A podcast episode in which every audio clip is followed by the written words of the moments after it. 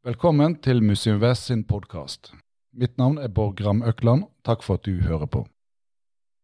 40 000 norske sjøfolk, én for alle, valgte strid. Valgte hjemløshet og lengsel. Valgte flammedød og koldbrann. Valgte drift på spinkle flåter, tusen ville mil fra hjelpen. Evig heder skal de ha. Slik diktet poeten og krigskorrespondenten Nordahl Grieg om krigsseilerne. Nå, våren 2020, markeres 75-årsjubileet for slutten på den andre verdenskrig. I 1945 ble det fred. For Nordahl Grieg var krigsseilerne helter, slik de også var det for forfatteren Jon Michelet. Slik har det ikke alltid vært. Sjøfolk sin status i offentligheten har variert gjennom historien. Uansett er det ikke tvil om at norske sjøfolks innsats under krigen var det viktigste norske bidraget til alliert krigføring og seier. Med meg i studio for å diskutere krigsseilerne har jeg konservator Lilly Ingvaldsen ved Museum Vest, avdeling Bergen sjøfartsmuseum. Hun jobber med formidling ved museet og har undervist mange skoleklasser om krigsseilerne. Velkommen. 1.9.1939 så brøt krigen ut i Europa. Norge forholdt seg nøytralt i vel syv måneder. Tror du sjøfolkene visste hva som kom septemberdagen i 1939? Ja, det kan nok godt hende. Eh, de hadde, det var jo ikke så lenge siden forrige krig, eh, første verdenskrig 1914-18, hvor eh, de norske sjøfolkene seilte jo som nøytrale gjennom alle disse farlige krigsårene. Og eh, nær 2000 norske sjøfolk omkom jo. Så selv om Norge var nøytral og ikke direkte med i krigen, så var jo våre sjøfolk absolutt eh, involvert. Og eh, når det nå brygger opp til ny krig Ingen kunne jo selvfølgelig på det tidspunktet vite at det skulle bli en verdenskrig, men så antok nok Norge og sjøfolkene våre at vi skulle klare å holde oss nøytrale og fortsatt klare denne vanskelige balansegangen. Og sjøfolkene var nok sikkert veldig klar over at det kunne bli en ny, veldig farlig periode til, eh, til sjøs, dette her. Det brygger jo opp til, eh, til krig. Eh, egentlig hele, i mellomkrigstiden i lang tid så merker jo sjøfolkene våre at noe er på gang. Det begynner med det italienske angrepet på Etiopia i 35. Vi får den spanske borgerkrigen i 36. Igjen må norske skip begynne å bruke nøytralitetsmarkeringen, sånn som vi hadde gjort under første verdenskrig. Og så får vi selvfølgelig da det japanske angrepet på Kina i 37, som er jo da ja, egentlig starten på, på andre verdenskrig. Så, så, sjøfolkene våre hadde jo egentlig i lang tid merket at, at, ting var på gang. Så når angrepet på Polen kommer i september i, i 39, eh, og krigserklæringen den 3. Eh, september, så, eh, så var nok sjøfolkene våre veldig klar over hva som, som kom, vil jeg tro. For selv under første verdenskrig så hadde jo Norge ganske store tap. Ja, det er som sagt 2000 norske sjøfolk eh, omkom, og eh, det var altså krigshverdagen for, eh, for, sjøfolkene våre var jo fryktelig brutal. Mm. Um, vi var jo som sagt eh, nøytrale, uh, men vi skulle jo altså vi var jo en, Det er jo en stor sjøfartsstasjon vi snakker om her. En av verdens største. Store inntekter som nasjonen har på skipsfarten vår. Så selv om det kommer en krig, så kan man ikke uten videre bare legge denne si, trafikken brakk. Så inntektskildene våre fra sjøfarten de skulle man jo prøve å opprettholde. Og man gikk jo med leveranser til begge krigførende parter. Eh, omtalt som nøytrale, men vi hadde jo en veldig sterk si, slagside mot, eh, mot, Storbritannia. Og eh, uten å ta side direkte i konflikten, så, så, gikk vi jo i veldig mye transporttjeneste for, eh, for Storbritannia. Og eh, i utgangspunktet så var jo denne farten eh, si godkjent fra, fra, tysk eh, side, fra begge krigførende parter. Eh, men med en del restriksjoner og eh, en del eh, si, Du måtte sjekke last osv. Eh, det som etter hvert skjer, er jo at si, det hardner til. Så fra i utgangspunktet å bli utsatt for eh, såkalte humane senkninger fra, fra tyske ubåter, hvor de gjerne kom først om bord for å sjekke lasten. Og hvis lasten var var grei, såkalt frie varer, så fikk skipet fortsatt gå. Hvis det derimot ikke var det, hvis det var såkalt kontrabande, altså uh, ulovlige varer om bord, um, og listen over ulovlige varer ble jo bare større og større, lengre og lengre, mm. så kunne det risikere senkning. Og da fikk mannskapet kort frist på å gå i livbåtene, og så ble det f.eks. plassert sprengladninger om bord, eller skipet ble torpedert og, og senket. Og fra, fra, vinteren, tidlig på vinteren i, i 1917 så kommer den uinnskrenkede ubåtkrigen. Og da er det jo ikke noe bønn lenger. altså Da blir det senket alt som nærmer seg de britiske øyer. Og det er jo da vi virkelig får de store norske tapstallene. Og når andre verdenskrig da bryter ut 1.9.39, mm. og fram til angrepet på Norge 9.4.40, så den perioden der, den kalles jo for den glemte krigen. Hva, hva ligger det i det? Ja, altså gjør du søk på nett på den glemte krigen, så får du ikke mange treff. Og i hvert fall ikke mange, om enn noen, som egentlig angår dette sakskomplekset her. Men det er egentlig et begrep som, som går på denne perioden som For vi snakker jo Altså, Vi snakker jo om norske krig. Krig i Norge starter fra aprildagene 1940. Men krigen begynner jo altså for sjøfolkene våre allerede fra krigsutbruddet i september i, i 39. Hvordan fikk, merke, hvordan fikk sjøfolkene merke det? Ja, det var jo altså, veldig brutalt allerede fra, fra starten. Um, vi bruker jo å snakke om denne perioden egentlig som liksom-krigen, uh, hvor, hvor, det var lite krigshandlinger. Det var en ganske rolig periode egentlig fram til våren 1940. Men på havet så var jo krigen en realitet egentlig ja, fra dag én. Og uh, det første norske tapet det får vi ti dager etter krigsutbruddet, den 13. september. Da har vi faktisk et bergensskip, Ronda, som går på en mine utenfor Nederland.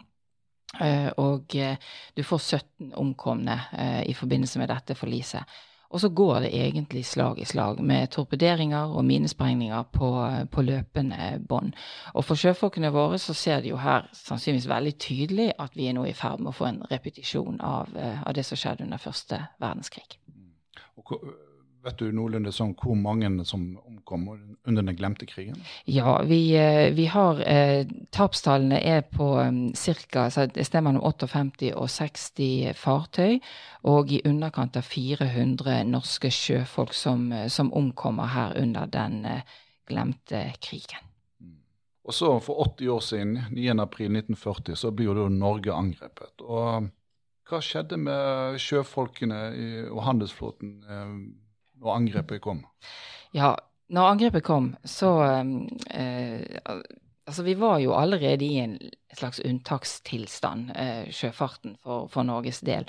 Men eh, under, når angrepet kommer, så har vi ca. 1000 norske skip som var ute i internasjonalt eh, farvann. Ca. 85 av vår eh, handelsflåte. Og ca. 800 skip, eh, ca. 15% av handelsflåten vår, som var i, eh, i havner hjemme. Eh, og når jeg nå sier si, prosentene her, så går det på tonnasjen. Så det går ikke på antall skip.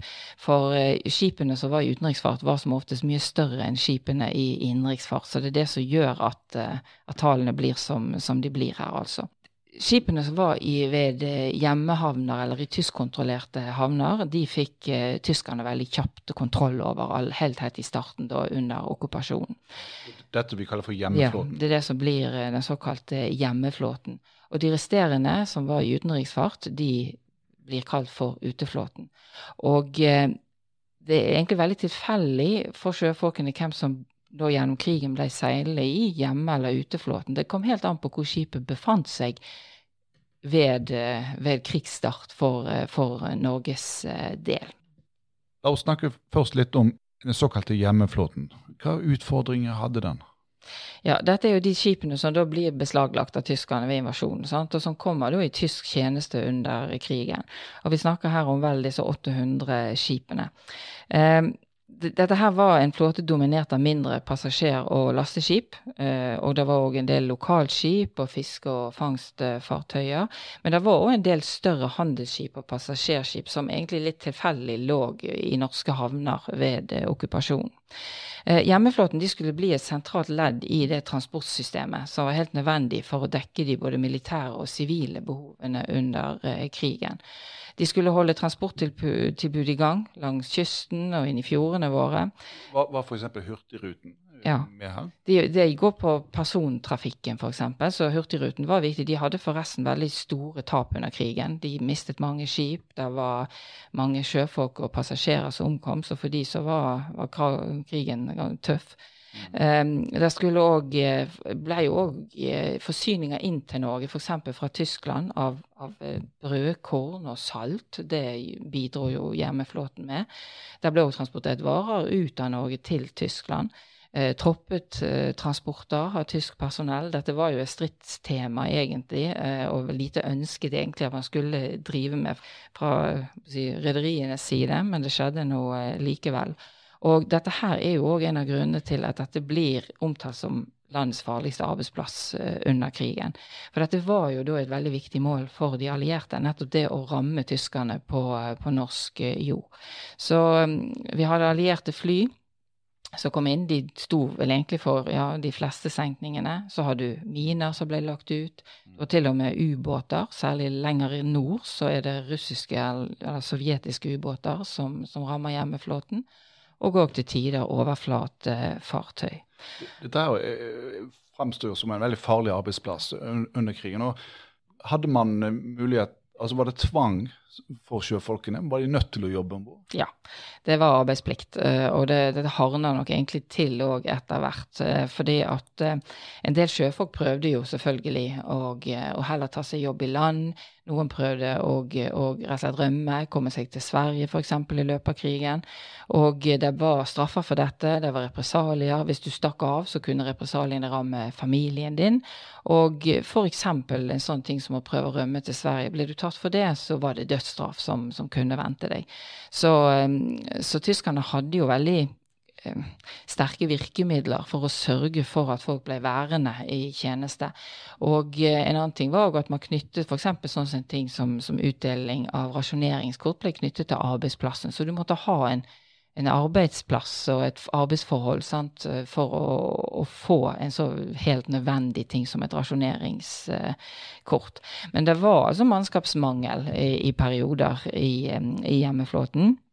Eh, og andre problematikker, som f.eks. at det var olje- og kullmangel. og til tider så ble jo kullfyrte dampskip som ja, egentlig skulle være kullfyrte, ble jo f.eks. fyrt med, med ved.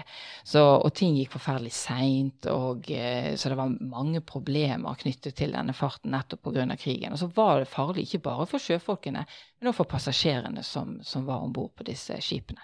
Så der er ganske høye tapstall. Ja, Så det skjedde det òg, at man uh, hadde forlis, krigsforlis ja, ja. med, med passasjertap? Klart det. Og uh, man har òg eksempler på f.eks. fangetransport av russiske krigsfanger gjort ved, ved, norske skip, og hvor du har jo eh, store uh, tap knyttet til dette her pga. at si, allierte angrep på, på, flåten. Vi har hjemmeflåten, og så har vi den såkalte uteflåten. Hva skjedde med den? Etter angrepet? Ja, uteflåten, det vil jo si den delen av flåten som da var i eh, internasjonalt farvann ved eh, krigsstart. Ca. 1000 fartøy, i stedet mellom 25 og 30 000 norske sjøfolk som jobbet om bord på disse skipene. I tillegg òg til eh, faktisk en del utenlandske sjøfolk som jobbet her. Det er jo noe som man har begynt å se mer på i seinere tid. Det er, er si, nytt forskningsområde, egentlig. Og eh, interessant å se at f.eks. så var det en, en, ganske stor andel kinesiske sjøfolk om bord på de norske eh, fartøyene. Men eh, umiddelbart etter invasjonen så begynte jo kampen om den norske handelsflåten. Og dette var en voldsom dragkamp mellom mange som var interessert i å få, få klørne i, i den. Og hovedsakelig er her snakk om fire parter. Du har den norske regjeringen, som jo er på dette tidspunktet på flukt nordover i landet. Du har den britiske regjering, som har et sterkt ønske om å få taket på den norske handelsflåten. Du har den tyske invasjonsmakten med Quisling her som uh, nyttig verktøy. Og uh, du har representantene for de norske myndighetene og skipsfartsinteressene som sitter i utlandet, som sitter i, i London på dette tidspunktet her.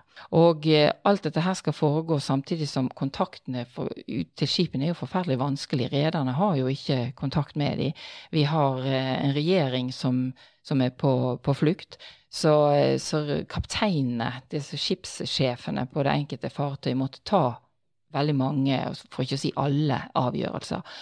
Og for oss i ettertid å kunne sitte og si at dette var fornuftig å gjøre, eller dette sant? Det, det, I, i etterpåklokskapens lys så kan det jo høres enkelt ut, men de har nok vært i en forferdelig kinkig situasjon der og da.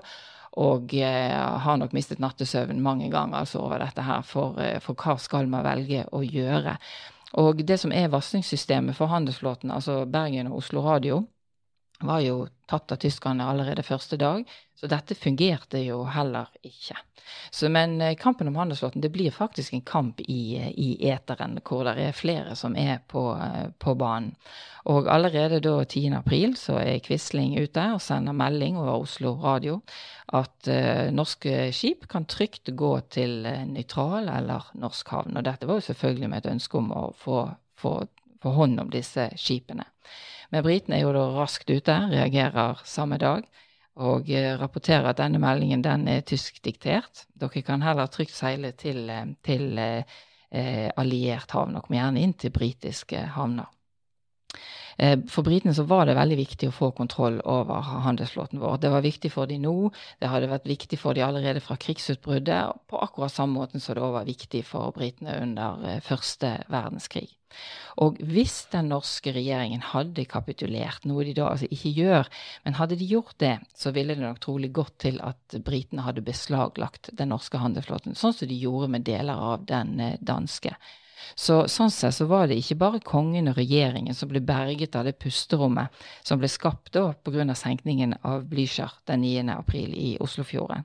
Hadde tyskerne lyktes da i å få hånd om konge og regjering, så ville altså store deler sannsynligvis av vår flåte gått til rekvisisjon hos, eh, hos britene. Og så blir jo Nortraship etablert. Hva er Nortraship for noe? Ja, for det at altså her sitter jo en, eh, en, utenrikstjeneste i London eh, mens alt dette her foregår. Og, men de tør ikke handle, for de skal egentlig gjøre de skal handle på vegne av den norske regjering, og de har jo ingen kontakt med den norske regjering. Men så kommer da Ingolf Fysing Olsen på, på banen. Han er Norges, Norges Rederforbunds representant i Storbritannia. Og han, skulle, han, kom tilbake til London, han har vært ute på reise. Han skulle visst egentlig til Norge, men det ble jo omdirigert, den reisen. Han kommer tilbake til London 11. april, og da begynner der ting å skje. Eh, og man begynner å gå i møter med engelskmennene.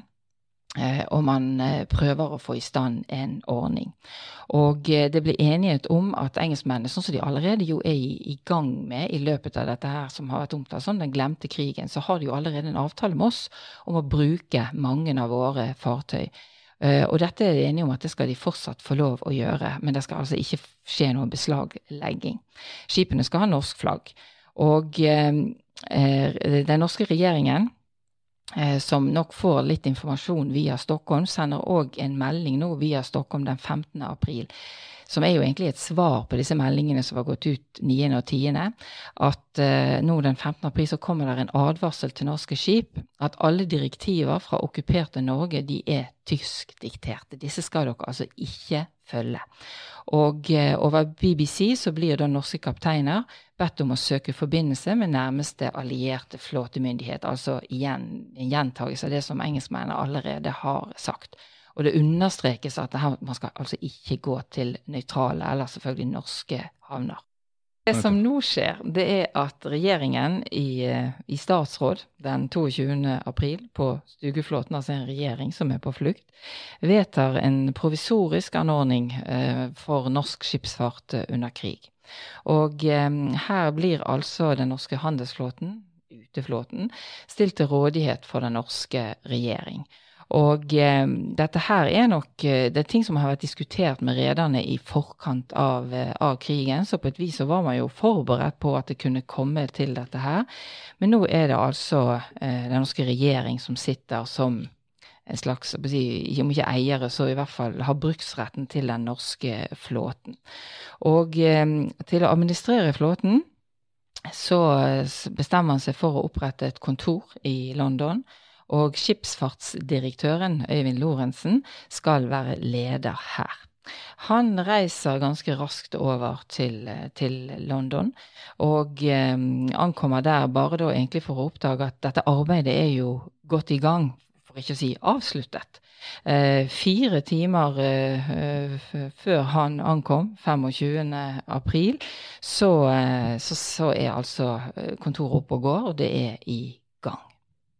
Nortraship, hva funksjon, hva oppgave hadde denne organisasjonen? Ja, nå skal jo altså Nortraship det er et forvaltningsorgan for å styre virksomheten i dette som nå faktisk blir verdens eh, største rederi. Og Nortraship er jo en, navnet der, det er jo en telegramadresse. Det er en forkorting for Norwegian Shipping and Trading Organization.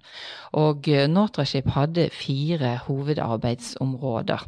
De skulle drive tonnasjeforhandlinger med Storbritannia og USA. De skulle eh, ordne med forsikringer for skipene, noe som er jo et veldig viktig tema i krigstid med store tap. De skulle sørge for nødvendig vedlikehold av skipene. Og de skulle erstatte tapt skip eller tapt tonnasje med, med, ny tonnasje. Og eh, eh, dette her arbeidet her var jo eh, ekstremt eh, si, omfattende og krevende. Og dette her blir jo en organisasjon som bare vokser og vokser eh, gjennom eh, mange krigsår. På krigens slutt så var vi oppe i 1000 ansatte fordelt over kontorer over hele verden det var nok kontoret i London og New York som var de hovedkontorene. Eh, også som sagt mange mindre kontorer rundt omkring eh, over hele verden. Eh, alle de viktige posisjonene i Nortraship de var jo da egentlig besatt av personer med tilknytning til det norske redermiljøet. Dette var folk som befant seg i London, eller som hadde klart å ta seg dit i løpet av aprildagene i 1940. Men som sagt, det var skipsfartsdirektøren Lorentzen som var øverste sjef. Og eh, det er sikkert mange som kjenner til alle uenighetene, og eh, det, var, eh, det var en del dragkamp innad i ledelsen i Nortraship.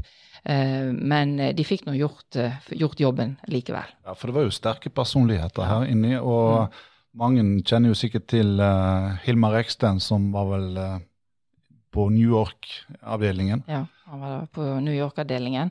Og, og, han, i likhet med, med andre redere, ble nok beskyldt for å kanskje i litt for stor grad prøve å jobbe for å få sine skip i en mindre farlig fart, sånn at man reduserte sjansene for, for senkninger og, og, tap av tonnasje. Og det som òg en må tenke på, er at disse her hadde jo virkelig mange tanker i hodet på en gang. Og eh, både for rederne og for den norske regjeringen så var det viktig å, å, tenke på hva som skulle komme etter freden når den en gang kom. Det å posisjonere seg og sørge for å ha en levedyktig flåte som, og en stor nok flåte som gjorde at Norge kunne beholde sin en ja, ganske ledende posisjon på verdens uh, handelsmarked etter, uh, etter freden en gang skulle komme så må jeg også få sagt at Den norske flåten de var jo aktive under krigen på de aller fleste fronter. Eh, men de var mest aktive på forsyningstjenesten på, eh, på Storbritannia. De, de var òg med i Murmansk-konvoiene med krigsforsyninger der, etter hvert når Sovjet kommer inn i krigen på alliert side fra, fra sommeren 41. Eh, og eh, mange omtaler jo handelsflåten og det arbeidet som ble gjort her gjennom Nortraship som Norge sitt absolutt viktigste bidrag til alliert eh, krigføring og, og seier.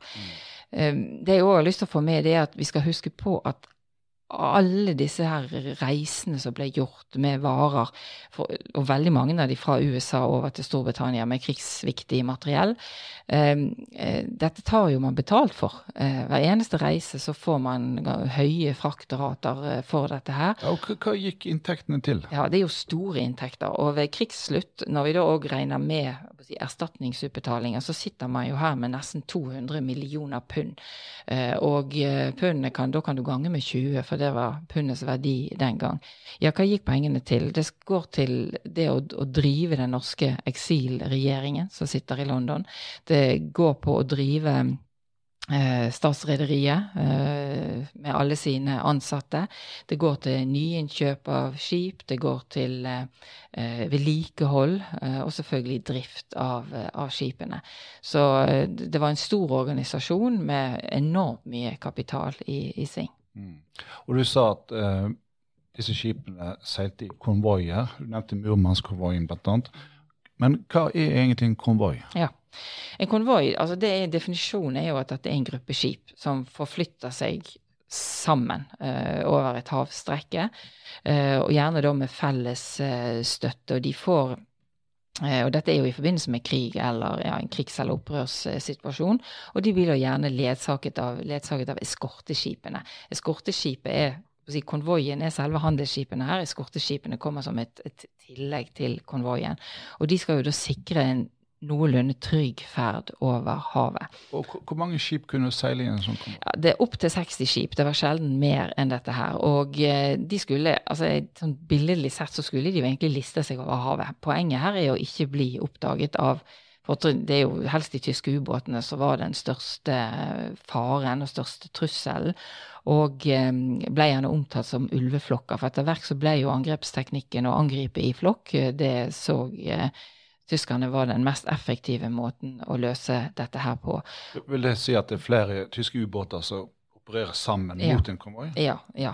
Og konvoien er jo i dårlig stand til å, å si, beskytte seg hvis ikke de da har med seg eskortefartøy. Nå var det jo sånn at skipene etter hvert fikk dekkskyts eh, om bord, som nok til en viss grad kunne brukes f.eks. mot fly. De fikk utdannet egne skyttere igjen som ble overført fra marinen, som skulle gjøre denne jobben. Men mot ubåtene så nytter ikke dette her. Og det er da eskortefartøyene, f.eks. med ubåtjagere, eh, var, var, viktige. Og Eh, fra sommeren 41 så, så, blir det allierte konvoier mellom USA og Storbritannia. De fikk eskorte hele veien. Og det er jo her i disse konvoiene norske skip absolutt gjør seg gjeldende. Og man får flystøtte, og det òg er jo veldig viktig for å, for å sikre tryggheten. Mm. Og eh, en sånn konvoi som dette her, de det er jo et veldig bestemt seilingsmønster her. Konvoien skal gå i en viss formasjon, ofte rektangulær. Det, være, det var forholdsvis kort avstand mellom skipene, og det må jo ha vært forferdelig krevende og vanskelig å holde sin plass i konvoien i, i nattemørket, i storm og stille, i, i, snøstorm, altså i mange meter høye bølger. Så det, det må ha vært ekstremt utfordrende, rett og slett. Og det var vel kanskje litt sånn ulik standard på disse skipene òg. Noen ja. eldre og noen nyere. og... Ja. Noen raske og noen ikke fullt så raske, kanskje. Ja, og da ble de plassert i konvoien litt etter hvor verdifulle de var, hvor raske de var, hvor verdifull last de hadde om bord. For noen steder i konvoien var man mer utsatt enn en andre steder. Og eh, man tilpasset farten til de langsomste skipene i konvoien. Eh, og eh, normal fart på det, mellom Storbritannia og USA, det ville være ca. to uker handelsskipene deltok jo i mange ulike konvoier. Men hva vil du si er de viktigste konvoiene? Ja, Den norske flåten de deltok jo på de fleste fronter under andre verdenskrig. Men de var mest aktive eh, på forsyningstjenesten på Storbritannia. Eh, og i tillegg til fart på Middelhavet og i Det indiske hav og i Stillehavet. Eh, men størstedelen av de varene som ble fraktet på norske skip under krigen, de gikk over Nord-Atlanteren, eh, fra USA til England. Og en veldig typisk rute ville jo være mellom New York og Liverpool. Men eh, jeg må jo òg ta med at, som jeg så vidt nevnte litt tidligere her, at disse fryktede Murmansk-konvoiene, der deltok det jo òg en del norske fartøy. Eh, og dette skjer jo fra sommeren 41, da når Sovjet kommer inn i krigen på, på alliert side. Og der var jo selvfølgelig særlig tyske overflatefartøy som lå langs norskekysten, et, eh, et truende problem. Og eh, i tillegg så hadde jo man de voldsomme naturkreftene òg. Å reise der vinterstid med minus 40 grader i luften, det kunne jo by på utfordringer. Havner du i sjøen der som en følge av en, senk, av en senkning, så, så var alt håp fort ute. Hva var de viktigste varene som eh, ble fraktet i konvoiene fra USA til eh, Storbritannia? Ja, altså I USA fikk du jo tak i omtrent alt. Og produksjonen der var jo enorm under krigen. Eh, til et enormt behov som eh, fra f.eks. britisk eh, side. Um, olje og oljeprodukter var selvfølgelig eh, viktig uh, i dette her. Og uh, det ble sagt at om lag 40% av de oljeproduktene som kom inn til Storbritannia, i hvert fall i de første krigsårene, de kom uh, ved hjelp av et norsk skip. I tillegg da til alle andre krigsrelevante varer. Det kunne være tanks, det kunne være våpen, fly. Matvarer, selvfølgelig. Alt som måtte til for å ja, holde samfunnet i gang. Så det var alt.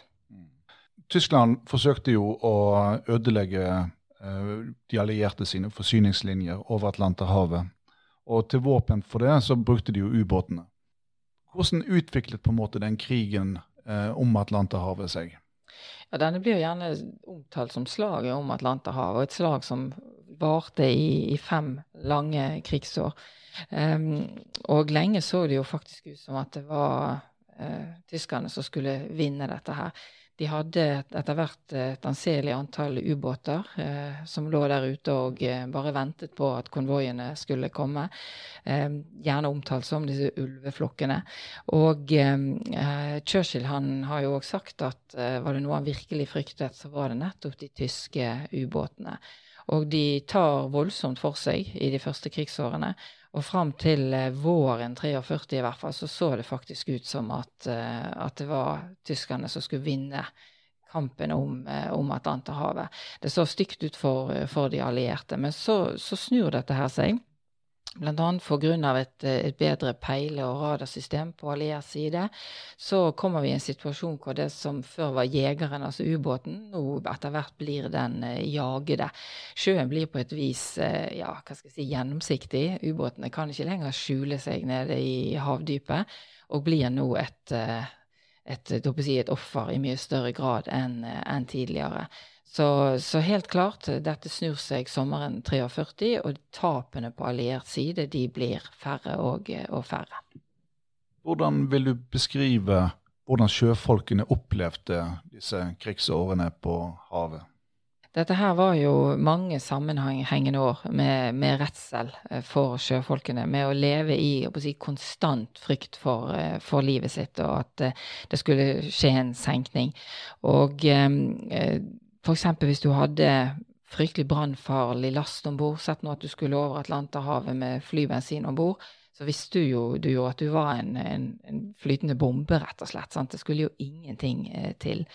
Og eh, mange sjøfolk de opplevde jo gjentatte senkninger, gjentatte forlis, det å overleve på hengende håret, det å gjerne være um, ute på flåtemateriell på havet i mange, mange døgn, kanskje oppi 40-50 døgn på en sånn endeløs eh, seilas eh, på, eh, på, havet. Og dette her må jo ha betydd mye for si, til sjøfolkene. mange jeg har jo snakket med en del sjøfolk som, som, har fortalt om både de opplevelsene de var utsatt for, og ikke minst hva dette gjorde i ettertid med, med, helsen deres, rett og slett, både fysisk og psykisk. Og de forteller om situasjoner fra, fra senkninger hvor til og med havet brenner. Det er et inferno rundt deg. Redningsmateriell tas i bruk, eller folk ligger og flyter på vrakgods fra skipet. De forteller om det som for oss kanskje nesten framstår som litt sånn uvirkelig, at det at når man var i en stor konvoi, så er det lett for å tro at OK, så er jo her muligheter for hjelp. Man kan hjelpe hverandre. Det er mange skip her. Eh, alle kan jo ikke bli senket. Men sånn var det jo ikke. De som ble senket, måtte klare seg sjøl. Konvoien hadde klar instruks om å fortsette, uaffisert uh, av dette som skjer. Det viktigste er å få varene fram. Det er ikke disse enkeltindividene som trenger hjelp og assistanse. Og um, man har jo òg eksempler på selvfølgelig hvor konvoien, skip i konvoien som skal fortsette sin ferd, omtrent de renner jo i senk. både sjøfolk som ligger i, vannet og kaver for sitt liv, eller som ligger uh, og flyter på redningsmateriell. Eh, Ragnvald Hummen, eh, som nå er død, men han, eh, han, levde jo lenge etter krigen og døde jo i en alder av mange og 90 år. Han hadde vært krigsseiler i alle krigsårene. Han seilte ut som 15-åring og like før krigen da starta, og blir da innlemmet i den Nortraship-flåten ganske raskt. Og han forteller jo om sine opplevelser, og en ting som han flere ganger kom tilbake til det er det at han fortsatt om nettene eh, helt fram til sin dødsdag, våknet opp og hadde mareritt, og hvor han hørte disse mennene som lå i havet og skreik. For han hadde mange ganger vært vitne til, når han var i konvoi, at andre skip forliste, men han sjøl hadde gått klar hver eneste gang. Og det han sa de ropte om nesten alle i sin dødsangst, det var, det var mor. Det var liksom det som, som var det siste de, de ropte på når, når, alt håp var, var, ute. Og han var veldig ærlig og åpen om sine erfaringer både under og, og etter krigen. Nå har du snakket om eh, den unge sjømannen Ragnvald Hummen. Kan du si litt sånn generelt om hvordan eh, sjøfolkene hadde det i konvoiene og i Nortraship? Ja, altså som jeg nevnte tidligere, så var det jo litt tilfeldig om folk endte opp i ute- eller hjemmeflåten eh, under krigen.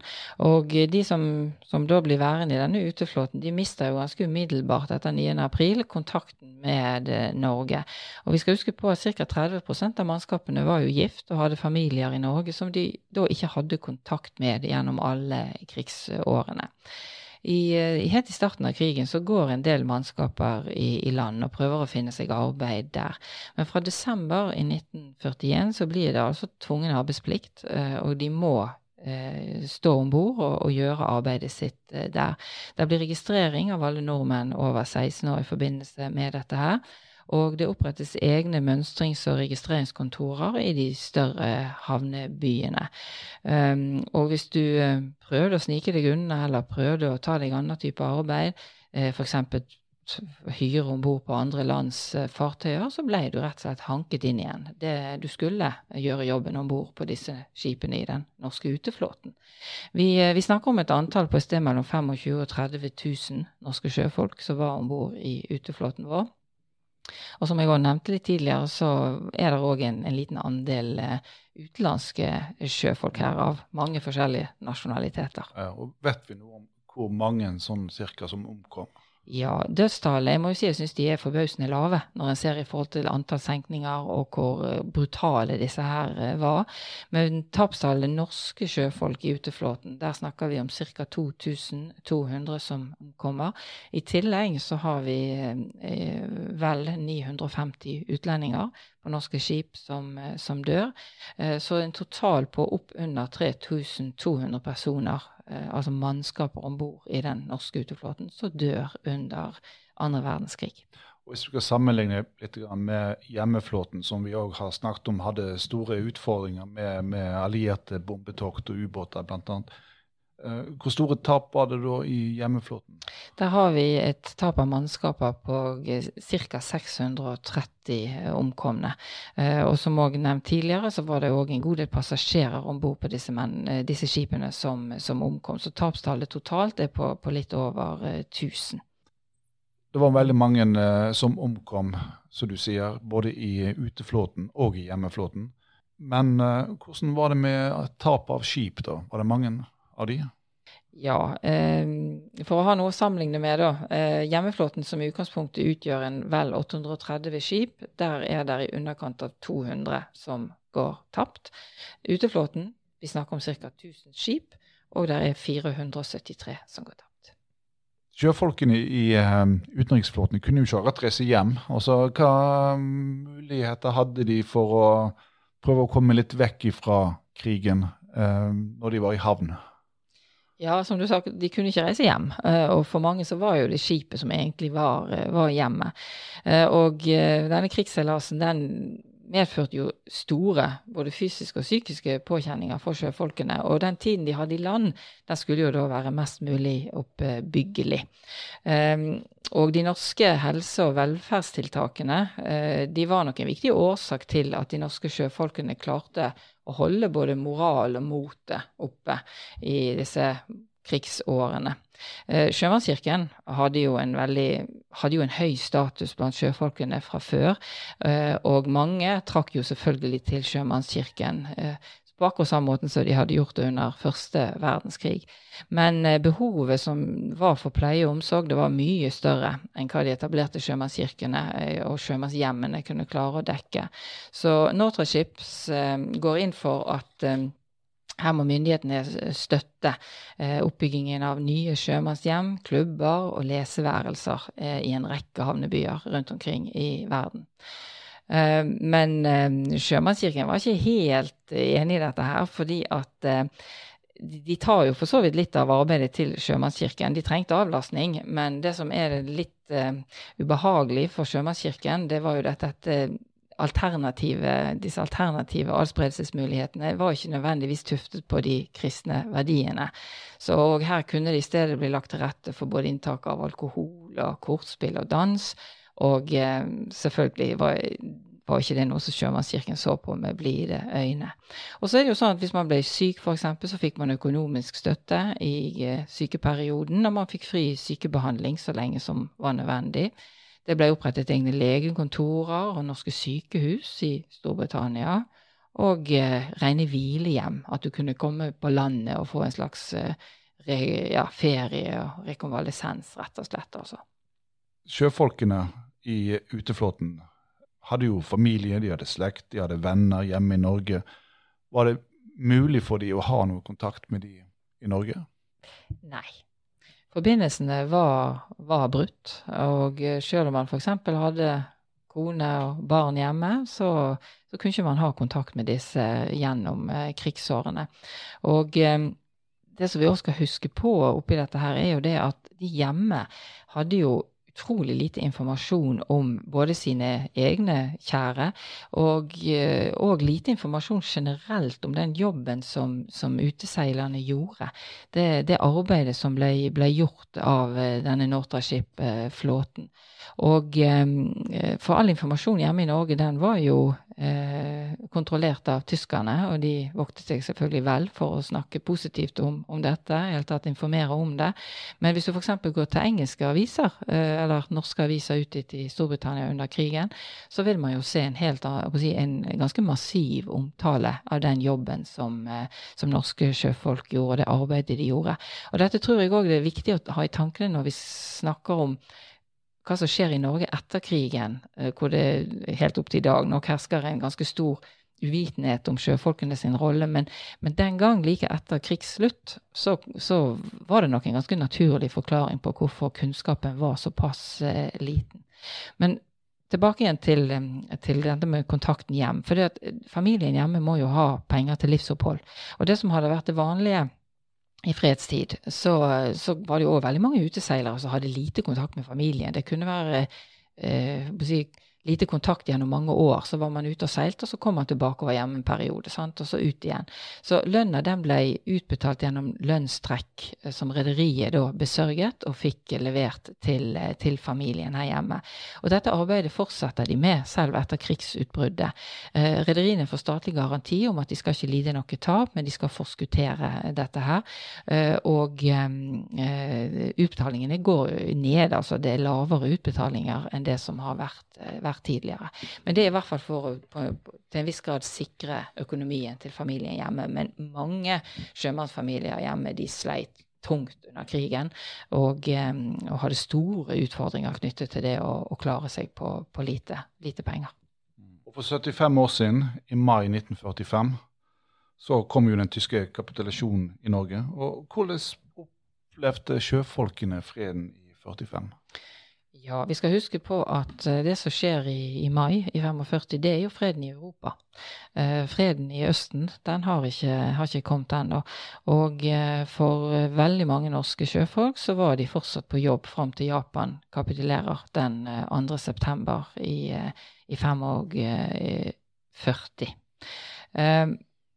når de da omsider kommer hjem til Norge, ut på ja, høsten, sensommeren høsten i 45, så kommer de jo da til et land hvor jubel egentlig har lagt seg. Folk har brettet opp armene og begynt på det enorme arbeidet med å bygge opp igjen landet etter krigen.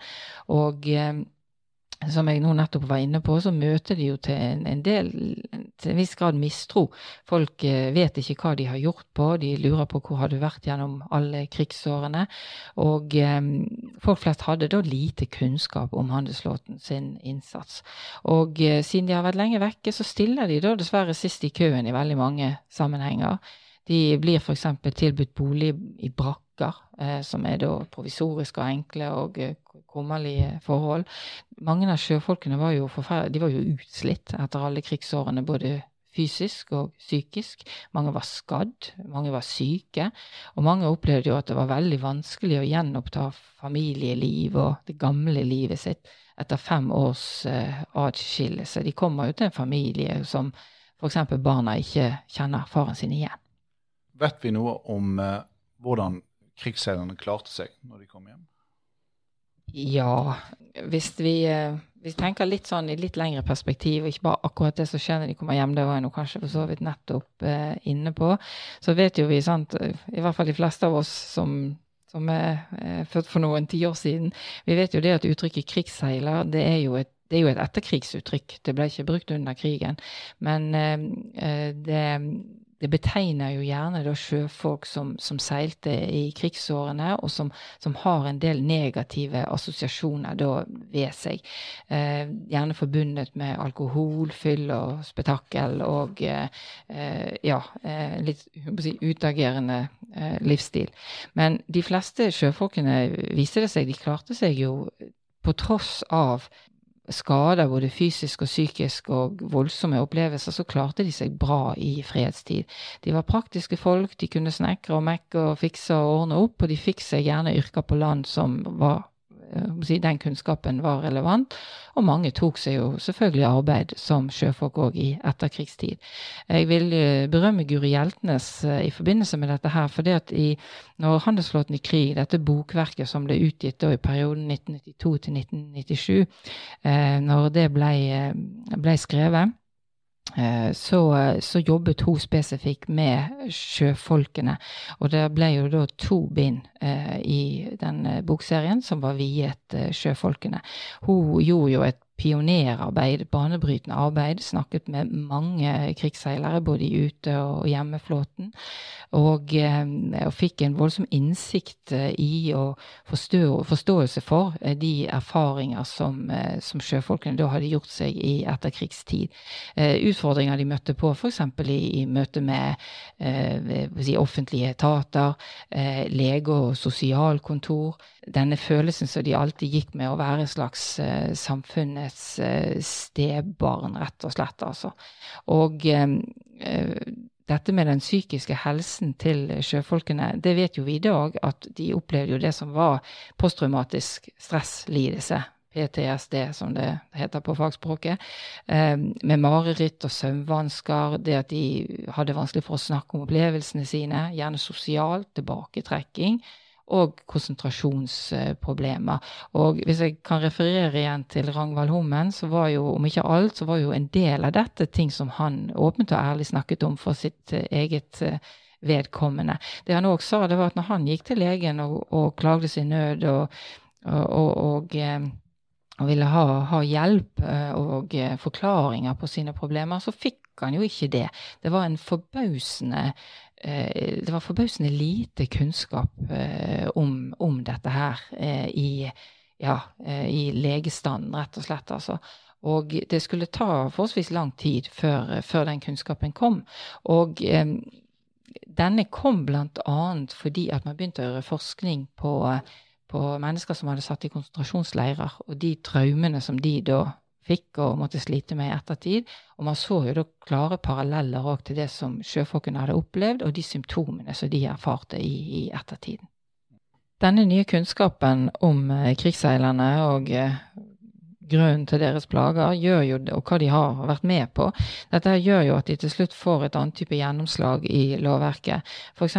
det at uh, nå langt flere får utbetalt uh, krigspensjon uten at man sånn som før måtte dokumentere og sannsynliggjøre si, grunnen til at man skulle ha dette her. Og bare en sånn ting som i NRK f.eks., og i offentligheten så får man jo en økt fokus på krigsseilerne. Erik Bye er jo en mann som absolutt trakk de til sitt Eh, bryst, og eh, den eh, si, kjærligheten den var nok gjensidig. Og krigsseilernes innsats de er jo i dag en vel anerkjent, er vel anerkjent i det norske samfunn og blir jo ofte omtalt i norsk offentlighet. Og alle kjenner jo nå til romanverket til John Michelet, som for alvor har har satt dette her på dagsorden for kanskje helt nye grupper av, av nordmenn. Men det skulle altså gå helt fram til 2013 eh, før det kom en offisiell beklagelse til krigsseilerne. Da var det daværende forsvarsminister Anne Grete Strøm Eriksen som kom med denne. En beklagelse til krigsseilerne for den manglende offentlige støtte og forståelse de hadde møtt i etterkrigstids-Norge. Mange forbinder jo eh, krigsseilerne med det såkalte Nortraskips hemmelige fond og striden rundt det. Kort, for, hvis du skal eh, kort uh, sette oss inn i hva, hva er Nortraships hemmelige fond? Ja. Um, norske sjøfolk hadde under krigen akseptabel lønn, uh, og de hadde òg ganske gode krigsrisikotillegg, uh, som kunne ofte strekke seg på si, til flere hundre prosents tillegg for fart i særlig risikable farvann. Uh, men de britiske myndighetene de var redd for at de norske høye lønningene og til tilleggene, de ville undergrave britisk lønnspolitikk, og den var jo, altså lønningene der og tilleggene var jo betydelig lavere. Så de henstiller eh, om en modifisering av disse her hyrevilkårene som nordmenn har. Og eh, britene de går med på at eh, dette kan kompenseres ved at eh, noe av, av av eh, forskjell mellom gammel og ny sats blir satt inn på en egen konto i Nortraships eh, regnskaper, eh, sånn at dette kan krediteres et fond som skal være til det beste for sjøfolkene etter krigen. Eh, denne avtalen går man inn på, selvfølgelig at det blir mye motstand fra sjøfolkene, men det blir sånn som dette her. Og i Nortraship så blir fondet benevnt for Sjømannsfondet. Men for at, å hindre at denne avtalen skulle skape uro da, blant de allierte sjøfolkene for øvrig, så ble det bestemt at denne her avtalen den skulle holdes hemmelig. Og Derfor så kalte sjøfolkene det for Nortraships hemmelige fond. For å si litt om hva som skjer etter krigen, det er jo òg et, eh, et, eh, har vært et hett tema i norsk ja. offentlighet til tider. Eh, for etter krigen så så ble det nok ikke helt sånn som man, sjøfolkene hadde forventet. Eh, det viser seg at midlene ble brukt til kollektive velferdstiltak for eh, krigsseilerne eller deres etterlatte, eh, og ikke til direkte utbetalinger til den enkelte sjømann. Dette her var jo sjøfolkene, veldig mange sjøfolk dypt uenig i og oppfattet det som en, en svi, et svik. Og dette kommer til Høyesterett i 1954, men hvor sjøfolkene da taper mot den norske stat. Det skulle ta mange år, og vi kommer helt til 1969 før saken da tas opp på nytt. Eh, og Stortinget bevilger her 155 millioner kroner. Det vil si at eh, det utregnes på den enkelte sjømann med 180 kroner eh, som skal etterbetales for hver fartsmåned. Og for de som da hadde si, full pott, så kommer du i et maksbeløp på 10 800 kroner. Og jeg må bare få si, Det er ikke mange måneder siden jeg snakket med en, en venneforeningsmedlem her på Sjøfartsmuseet som kunne fortelle at han husket veldig godt den dagen når de fikk utbetalt disse pengene. Hans mor fikk det utbetalt, for hans far var død på krigshavet. De fikk 1500 kroner utbetalt, og eh, han eh, ga tydelig uttrykk for både det sinnet de følte den gang da, og det de fortsatt egentlig han følte på måten hans far og sjøfolkene var blitt behandlet på etter eh, krigen. Du har jo undervist tusenvis av eh, skoleelever om krigen til sjøs. Hvilken eh, rolle spiller Nortraship og konvoifarten, både ute- og hjemmeflåten, i pensum i skolen? Ja, altså krigen er jo en del av pensum, både i ungdomsskole eh, og i, i, videregående skole. Og det er jo disse elevene jeg får hit til Sjøfartsmuseet. Men eh, det som lærerne forteller meg stort sett, er jo det at um, krigsseileren og den rollen til norske uteflåten, det blir omtrent ikke snakket om i det hele tatt i pensum. Så, så, jeg oppfatter nok dit at de lærerne som kommer hit, de har et veldig sterkt ønske om at denne viktige norske krigsinnsatsen òg må synliggjøres. De skal ikke bare kjenne til gutta på Skauen og Max Manus og hjemmefrontens arbeid, men de skal òg kjenne til eh, dette eh, veldig viktige arbeidet som, som, sjøfolkene gjorde. Og Derfor så kommer de hit, og det er jo vi veldig glad for. Så de får et undervisningsopplegg som varer i ja, tettpakkede to timer. Eh, hvor de får eh, masse informasjon om bl.a. de tingene som jeg har snakket om i dag. De får se film, og de får omvisning i utstillingen. Eh, de får foredrag. Og jeg har i hvert fall én målsetting at når de går herfra, så skal de vite i hvert fall hva Nortraship er for noe, og hva arbeid som ble gjort av de norske sjøfolkene gjennom Nortraship. Og det er jo egentlig et takknemlig emne å formidle. de aller fleste synes dette er ekstremt spennende, og de blir jo selvfølgelig veldig på å si, fascinert og imponert over alt som, som, sjøfolkene kunne utrette, og alle farene de turde å, å, si, å, å møte der ute på, på krigshavet. Så dette det er høyst relevant og ikke noe problem å trekke videre inn i problemstillinger som er helt moderne, og ting som skjer rundt oss eh, i dag. Takk til deg, konservator Lilly Ingvaldsen ved Museum Vest, avdeling Bergens sjøfartsmuseum. Du kan følge Museum Vest-podden på Spotify eller via Museumspodden der du finner dine podkaster. Du kan òg gå inn på Museum Vest sin nettside for mer informasjon. Neste episode kommer på selveste 8. mai og vil handle om hvordan Museum Vest formidler krigshistorie, og hvilke historier som blir formidlet. Inntil da, på gjensyn.